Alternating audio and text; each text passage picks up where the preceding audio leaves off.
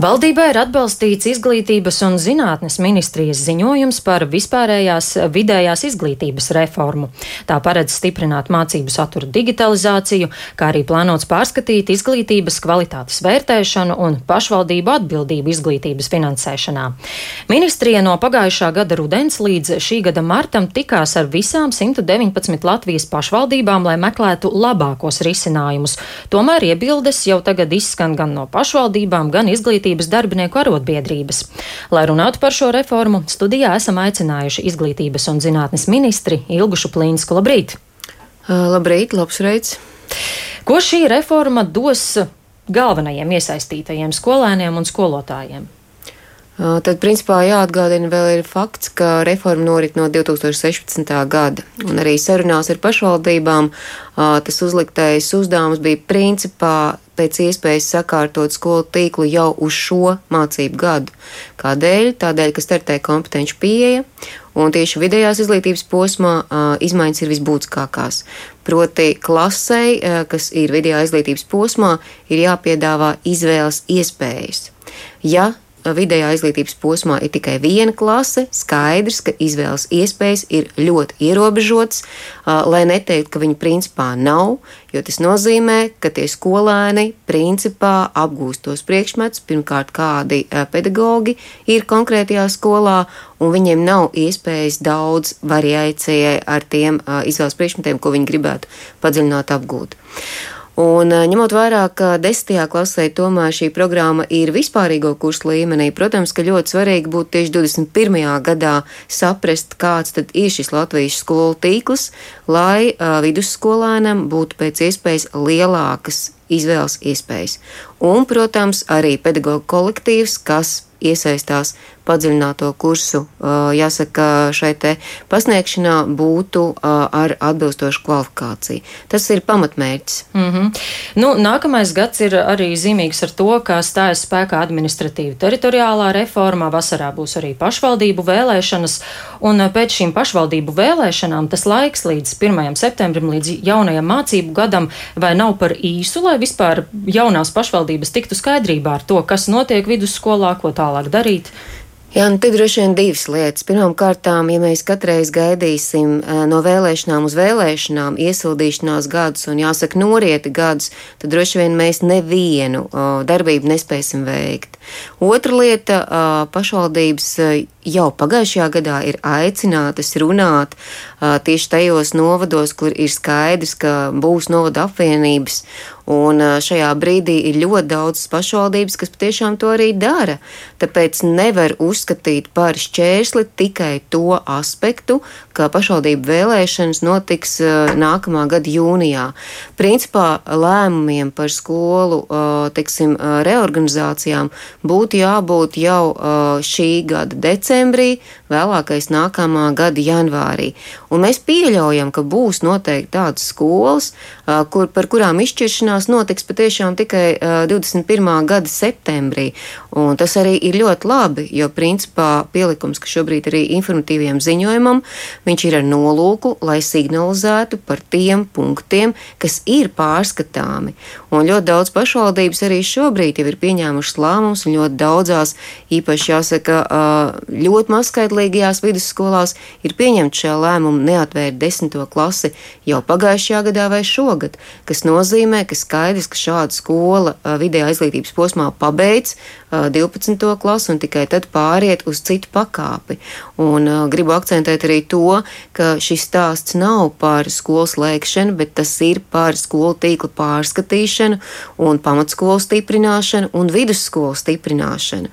Un droši vien mēs nevaram dzīvot uh, jāsaka, skatoties uz mūsu demogrāfijas un ekonomisko situāciju, tādā skolu tīkla uh, plānojumā, kurā mēs redzam, ka skolotājiem ir nepilna noslodze, bet te pašā laikā mēs dzirdam, ka ir skolotāju vakances. Uh, mēs redzam, ka skolēniem nav izvēles, un te pašā laikā mēs gribētu, lai mums ir izcilnieki studiju posmā un nodarbinātībā pēc tam. Šī reforma varētu skart aptuveni trešdaļu vidusskolu. Tā būtu 121 skola. Ehm, ko tas nozīmē šīm te vidusskolām? Tas ir ceļš uz pakāpenisku aizvēršanu vai? Es tik tikko to arī pateicu. Tā ir reorganizācija, un tas ir atkarīgs pirmām kārtām no ļoti daudziem faktoriem. No tā, kā skola pat redz savu attīstību, vai tur ir pietiekama šī iedzīvotāja un nodarbinātības plūsma, vai tas nozīmē, ka, piemēram, piemēram, trijos, četros gados mēs redzam, ka tur ir ļoti patstāvīgs skolēnu skaits pamatskolā, tad pirmām kārtām tas noteikti uh, draud ar šo pakāpes maiņu. Otrām kārtām, kāpēc arī varbūt liels akcents pēt, e, šeit informatīvajā ziņojumā ir likts uz digitalizāciju. Mēs ļoti cerējām, ka attālinātā mācību procesa pieredze, kāda ir bijusi martā un aprīlī, iedrošinās skolas vairāk domāt par uh, kopīgu uh, video izglītības posma programmu veidošanu, par izvēļu grozu uh, nodrošināšanu lielākā spektrā. Bet šobrīd arī analizējot šos izvēļu grozus, mēs ļoti labi redzam, ka tur, kur skolās ir ir mazs skolēnu skaits, pamatā neizvēlas STEM. Un mūsdienās neizvēlēties STEM, ka, proti, tev nav pat šīs izvēles, to jāsaka, turpināt, padziļināt, mācīties, tas ir diezgan bīstami, jo mēs saprotam, ka informācija tehnoloģija attīstība ir gan strauja un ka uh, tiem uh, video izglītības posmu skolēniem, uh, kas to būs absolvējuši, tā būs vienkārši vitāli nepieciešama mm. tālākajā uh, izglītošanās procesā, jebkurā uh, specialitātē, jebkurā programmā, ko viņi izvēlēsies, arī humanitārajā un sociālajā. Nu, jā, protams, lēmums arī par to, kas tālāk notiks ar skolu, lielā mērā būs atkarīgs no katras pašvaldības.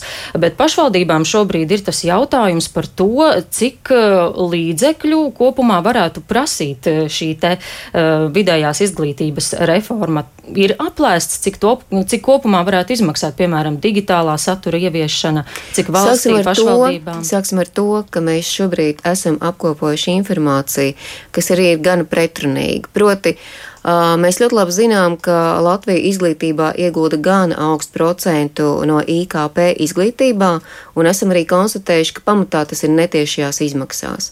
Tāpēc šī gada mērķis no mūsu puses ir precizēt metodoloģiju, kas ir saistīta ar pašvaldību ieguldījumu izglītībā, stingrāk noteikt, kas ir tiešās un netiešās izmaksas, panākt efektīva izglītības iestādes modeļa izmaksu digitālā rīka darbība darbību un tādā veidā skatīties pirmkārt, cik efektīvi mēs esam šī brīža situācijā, lai nodrošinātu kvalitatīvu izglītību. Jautājums, vai mēs nodrošinām kvalitatīvu izglītību, vai mēs uzturam ēkas un tehnisko personālu. Tad tā būs pirmā izšķiršanās. Un otra izšķiršanās par digitalizāciju. Tad, tad uh, pirmām kārtām šobrīd ir vairāki jau iesākti projekti, gan šis uh, viedierīču iepirkuma projekts, gan uh, online tiešais rīka izveids projekts, gan um, resursu krātuvs izveidi, gan digitālās pratības kurs, kas šobrīd jau ir nosekti un ne no pašvaldību līdzekļu līdzekļiem. Turpmāk tiek plānot pārskatīt uz nākamo gadu arī šī mācību līdzekļu iegādes summa, kas ir atvēlēta uz vienu skolēnu. Nākamais periods ir saistīts ar struktūra fondiem, kas ir digitalizācijas, jāsaka, šeit gaismā ne tikai vispārējā izglītībā, bet vispār valstī, sākot ar pakalpojumu tīklu, beidzot ar augstāko izglītību un citām jomām.